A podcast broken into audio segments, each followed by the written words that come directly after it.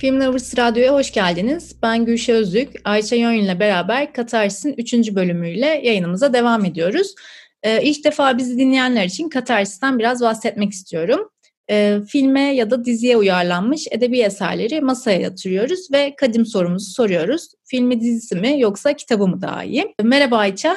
Merhaba Gülşah. Bugünkü yayınımızda Ian McEwan konuşacağız. 2001 yılında kaleme aldığı Kefaret adlı eserini konuşuyoruz. Aynı isimle 2007 yılında Joe Wright tarafından da Beyaz Perde'ye uyarlandı. Ben ilk olarak bu kitabı neden seçtiğimizi e, anlatarak başlamak istiyorum. İlk yayında bahsetmiştik Alfa 713 adında bir kitap kulübümüz var diye. Hatta Mart ayında okuduğumuz kitap Ian McEwan'dan Sonsuz Aşk'tı. Ayça'yla öve öve bitiremediğimiz, hayran olduğumuz da bir eser oldu hatta. Deneme çekimlerini de yaptığımız aynı zamanda eser. Onun da bir film uyarlaması var aynı isimle. Ya onu da ayrıca konuşuruz ama yani herhalde gördüğümüz en kötü uyarlamalardan biriydi Sonsuz Aşk'ın Beyaz Perde'deki hali. Ee, böyle hal böyle olunca da bir gönül borcumuzu ödeyelim istedik Ian McEwan'a. Ve bugün kefareti seçtik. Ben kısaca biraz belki giriş yapıp biraz özetinden bahsedebilirim. Kefaret tutku dolu bir aşk hikayesi gibi okunsa da aslında ön yargılardan, sınıfsal farklılıklardan doğan adaletsizlikten, savaşın yıpratıcı etkisinden yoğun olarak beslenen bir eser. Bir ön yargının daha doğrusu bir iftira demek daha doğru sanırım. Ee, bir iftiranın hayatları nasıl mahvettiğini, domino taşı gibi tepe taklak ettiğini çarpıcı bir şekilde anlatmış e, McEwan bize. Kitabın yapısından ve özetinden de kısaca bahsedeyim. Kitap toplamda 3 artı 1, 4 bölümden oluşuyor. Bölümler arasında zaman farklılıkları var. Tam da bu sebeple biraz tarihsel bir kurgu da içeriyor. Çünkü 2. Dünya Savaşı'ndan Dunkirk'e bakıyoruz. İşte sonra kitabın çözülme anı 1999'da yaşanıyor. Biraz yakın geçmişe selam veriyoruz. İlk bölüm kendi içinde toplam 14 bölüme ayrılmış ve bu 14 bölüm aslında 1935 yılının tek bir gününü ve sabahını ve gecesini anlatıyor. Farklı karakterlerin üzerinden farklı perspektiflerle aynı olayları okuyoruz. Talis ailesinin Paris'in görkemli köşkünün farklı odalarında, bahçesinde ve havuz kenarında geçen bir dizi olay yaşanıyor.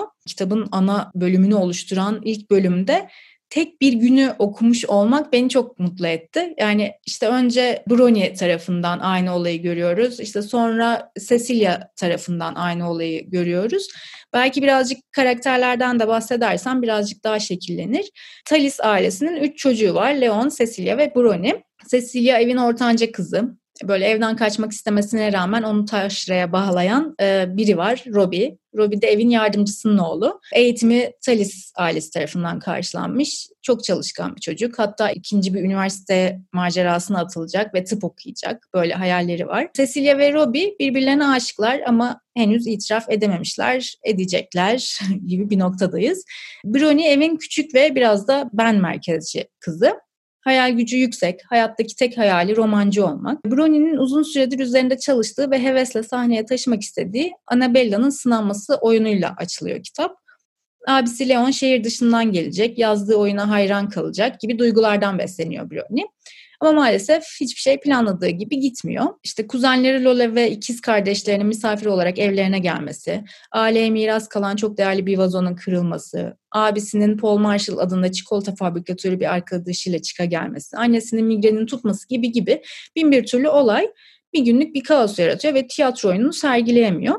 Bu durumda Brony'yi biraz hırçınlaştırıyor bile diyebilirim. Bu bölümün sonunda da korkunç bir suç işleniyor. Kuzenli olaya bir adam tecavüz ediyor. Karanlık olmasına rağmen aslında Brony görmemesine rağmen kimin yaptığını bunu yapanın Robbie olduğunu iddia ediyor ve herkes de Brony'ye inanıyor. Yani aslında işlemediği bir suçunun Robbie'nin üstüne kalmasıyla birinci, birinci bölümü kapatıyoruz ve Brony'nin yaptığı bu korkunç iftirayla hem kendi hayatı hem de Cecilia ve özellikle Robin'in hayatı işin içinden çıkılmaz bir şekilde değişiyor. Ya ikinci bölüme de hemen kısaca bir değinip sözü sana bırakacağım. E, ikinci bölümde de Dunkirk'e e, geçiyoruz. 1940'lı yıllardayız. E, Robbie 3 yıl boyunca işlemediği bir suçtan dolayı hapis yap, yattı. Sonrasında hapisten çıkış bileti olarak askerlik macerasına atıldı. Ee, okurken ben Robin'in suçu işlemediği ne yüzde yüz emindim. Belki kitabın adından kaynaklı, belki de Robbie karakterinin bize çok gerçek ve filtresiz aktarılmış olmasından dolayı klişelerden kaçarak Robbie'yi yalnız bırakmamış, e, Cecilia'nın da aşık olduğu adamdan vazgeçilmemiş Ve Cecilia ve Robbie bir türlü kavuşamazken Brony de yaptığı hatanın vicdanında açtığı yaraları sarmaya çalışarak bir hayat geçiriyor. Aslında böyle bir özet e, yapılabilir sanırım. Ya sen çok güzel özetledin kitabı. Bu şekilde aslında bize kitap bir dönem panoraması sunuyor diyebiliriz. Yani başından sonuna kadar Brian'in 77 yaşında yazdığı o 99'daki son mektuba baktığımızda aslında neredeyse bir 100 yıllık anlattıklarıyla birlikte değerlendirdiğimizde bir 100 yıllık dönemi bize anlatıyor arka planda. Ben biraz Ian McEwan'dan bahsetmek istiyorum. Yani onun e, çağdaşları arasında ne kadar öne çıkan, ne kadar yetenekli bir hikaye anlatıcısı olduğunun altını çizmek istiyorum. McEwan'ın her bir paragrafında hissettiğimiz bir tehditkarlık, bir tehlike tüm hikayeyi kapsıyor ve hani bu parçalar böyle puzzle gibi tık tık tık tık birleşerek çok iyi bir kurguda beklenmedik bazen de işte çok şaşırdığımız bir sona götürüyor bizi. Çok iyi bir kurgusu var McEwan'ın. Yani bunu o kitapta da hissediyoruz. Aynı şekilde Sonsuz Aşk'ı okurken de konuşmuştuk.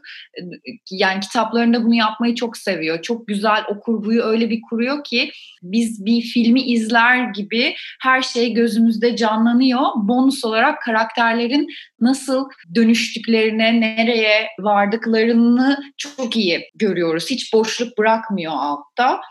E, burada da yine aynı şey var ve aslında temel problemi gerçeklik olan bir kitaptan bahsediyoruz. Yani gerçek nedir? Zaten yazar bununla çok oynuyor yani o gerçeklik algısıyla işte Brian'ın gözünden gördüklerimiz mi gerçek yoksa Cecilia ve Robin'in yaşadıkları mı gerçek? Aslında o hissiyatı da veriyor. Yani bunlar Brian'ın yazdıkları ve biz şu an onun öyküsünü mü okuyoruz da acaba yine gerçek sandığımız şey de mi gerçek değil gibi böyle sürekli sürekli sürekli o sorgulamayı yaptırıyor. İşte kimin gerçeği doğru, kim tarafsız? Aslında işte Brian'in o attığı iftiradan dolayı onu suçlayabilir miyiz? 13 yaşında ergenliğe adım atmaya hazırlanan bir küçük kız çocuğundan bahsediyoruz. Bir yandan da aslında okuduğumuzda Robbie'ye aşık olduğunu da biliyoruz geçmişte. Yani 10 yaşındayken Robin'in onu deniz atladığı gölden kurtarması hikayesi üzerinden sonradan gördüğümüz kadarıyla. Kitabı okurken bizi fiziksel olarak harekete geçirmek dışında her şeyi yapıyor kitap. Yani bütün duygularımızla oynuyor, bizi işte yer yer yükseltiyor, yer yer bunalıma sokuyor, merak ettiriyor, heyecanlandırıyor. Bu, bu noktada yani McEwan gerçekten bunu çok iyi yapıyor ve başarıyla böyle dürtüyor yani okuyucusunu.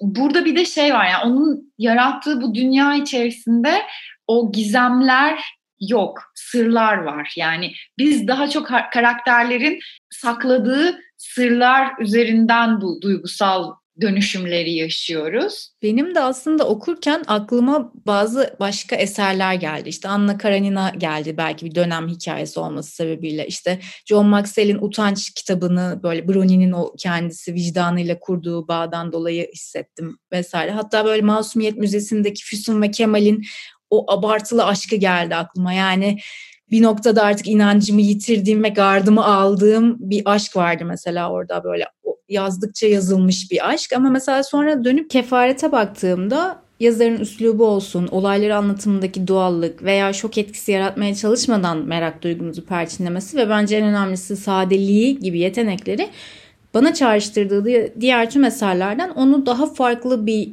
yere koymamı sağlıyor. Zaman zaman McEwan'ın aslında Sonsuz Aşk'ta da ya da işte Fındık Kabuğu'nda da böyle daha sapkın, obsesif yazdığı şeyler vardı ama Kefaret'te sanki böyle her şey olması gerektiği kadar böyle olması gerektiği gibi anlatmış gibi geldi bana.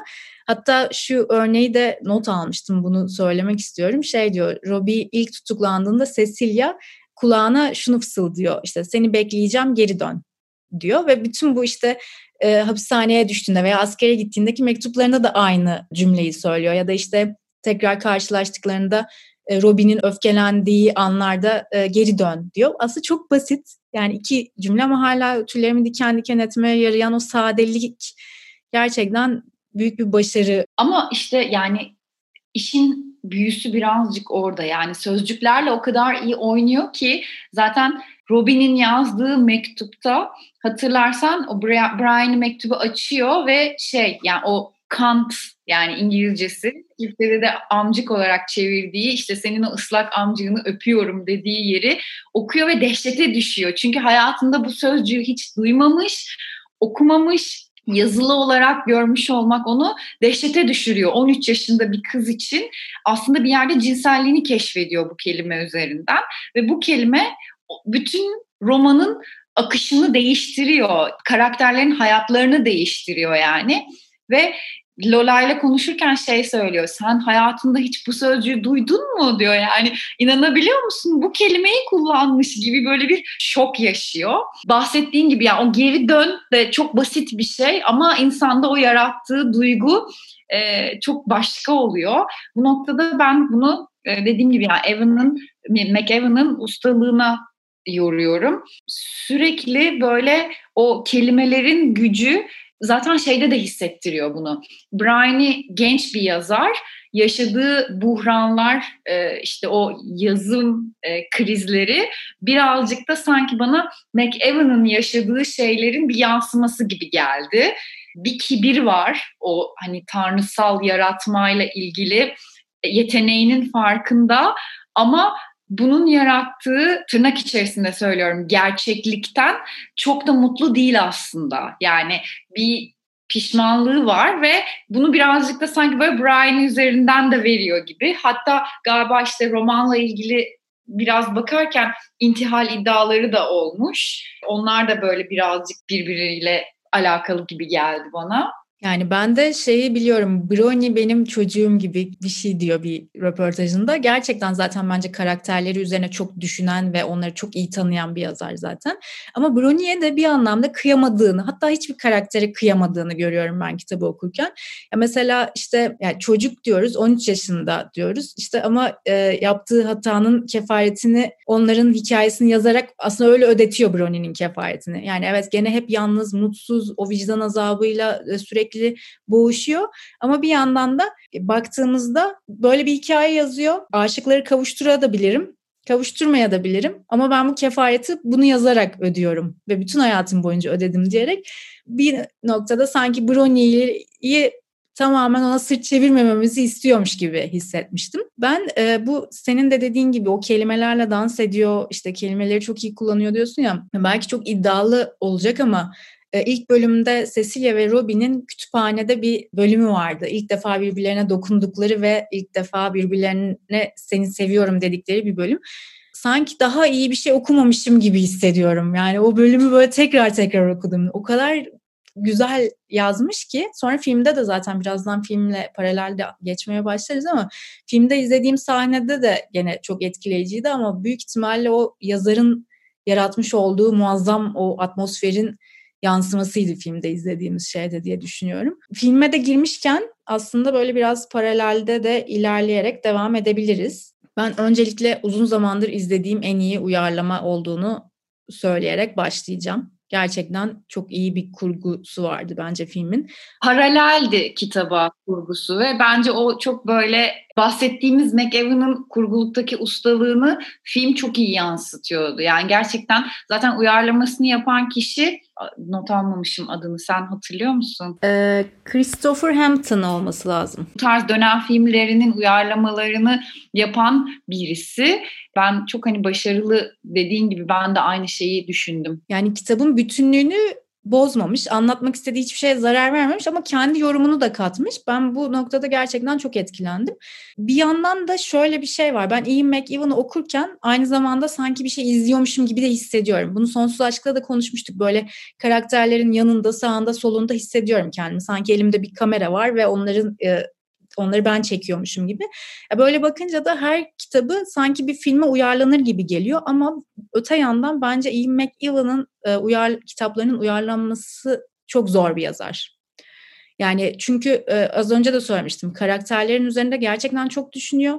Hepsini çok iyi tanıyor. İşte e, monologlarla, işte bilinç akışıyla bize o kadar çok şey anlatıyor ki karakterler hakkında. Bunu yani izleyiciye geçirmek gerçekten çok zor. Yani kelimelerle o dans ederek yarattığı büyü bir büyülü bir atmosfer kuruyor her kitabında. E böyle olunca da bir uyarlamadan bu kadar iyi bir iş çıkması beni gerçekten çok sevindirdi. Kas seçimi de bence mükemmel. Çünkü Paul Marshall'ı okurken gerçekten şey yani ben hiç bakmamıştım önceden kimlerin oynadığına. Paul Marshall'ı e, Benedict Cumberbatch'in oynadığını görünce şey oldum ya bundan daha iyi bir eşleşme diyeyim olamazdı dedim.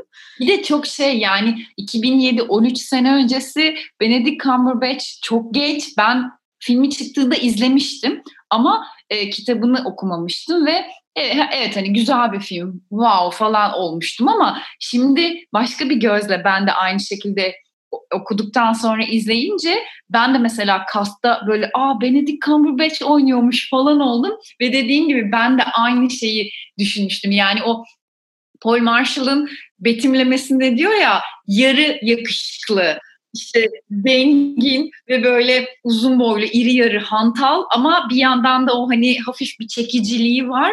Gerçekten böyle birebir Benedict Cumberbatch gözünün önüne geliyor ve çok iyi böyle oturuyor birbirine. Çenesini biraz öne alsan çok çirkin olacak falan gibi böyle bir anlatma evet. var. Gerçekten çok iyi oturmuş. Zaten işte o gencecik James McAvoy'in tekrar hayran olmamak da elde değildi. Çünkü Robbie'yi ben okurken çok sevdim. Çok sevdiğim bir karakter oldu.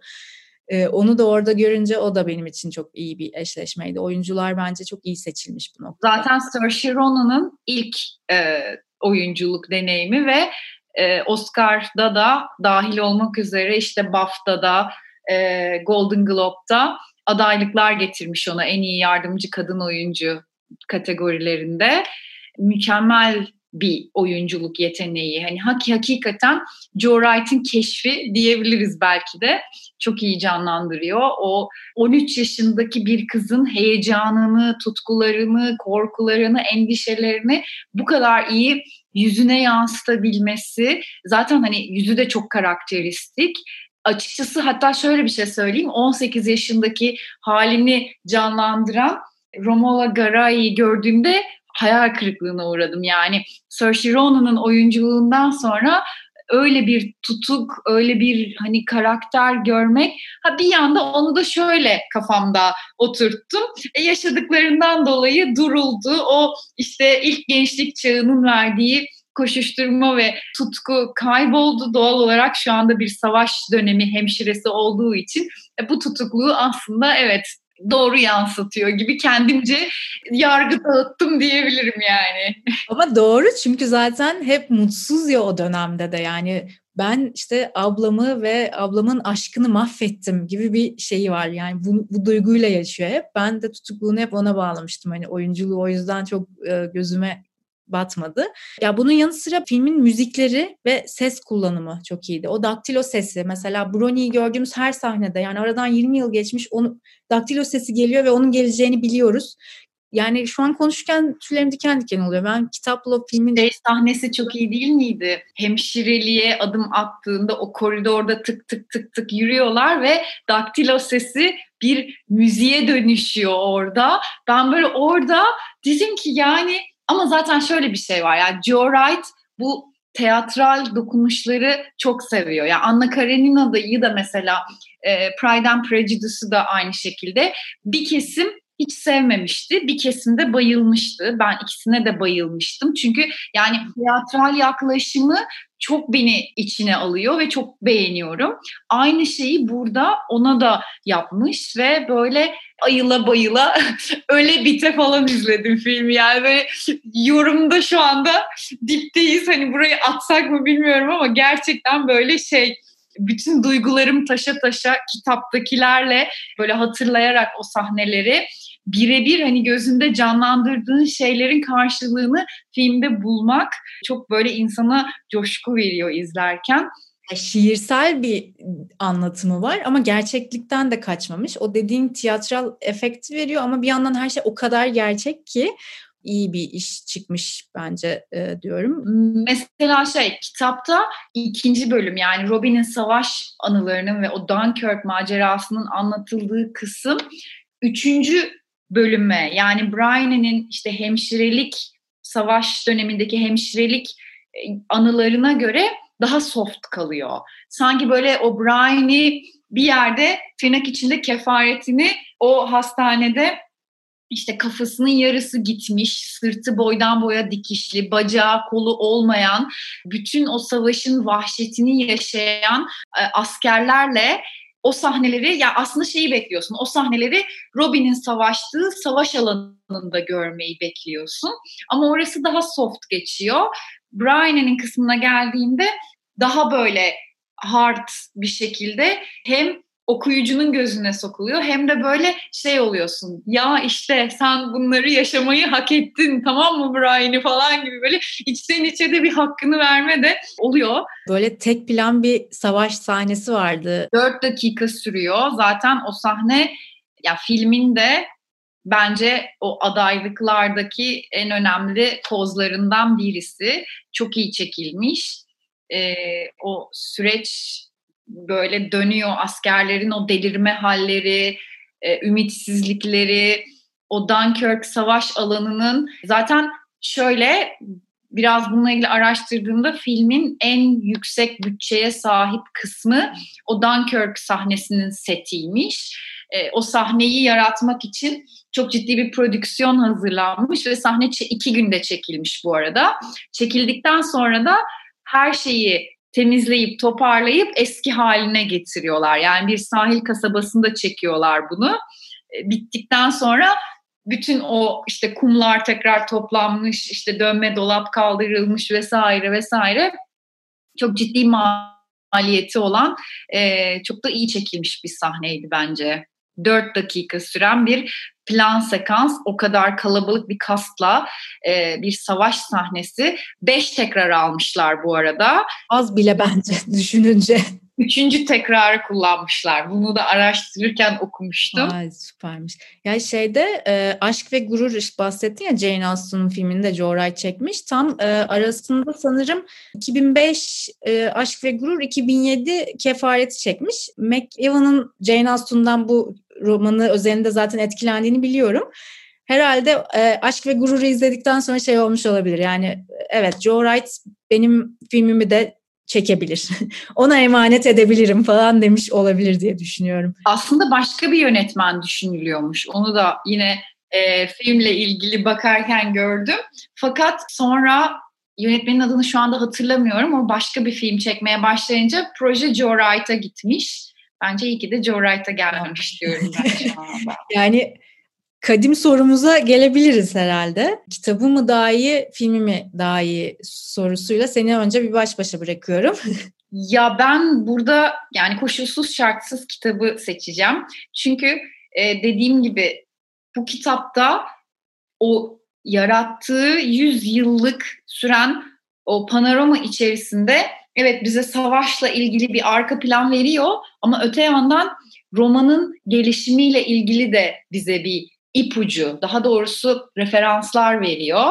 İşte en başlarda mesela Brian'in ilk romanını yazarken şöyle bir şey söylüyor. İşte diyor ki romanlara diyor Habeşistan Savaşı, silahların modernleşmesi veya bahçıvanlar konu olamaz. Romanlarda daha aşk hikayeleri, prensler, prensesler olmalı.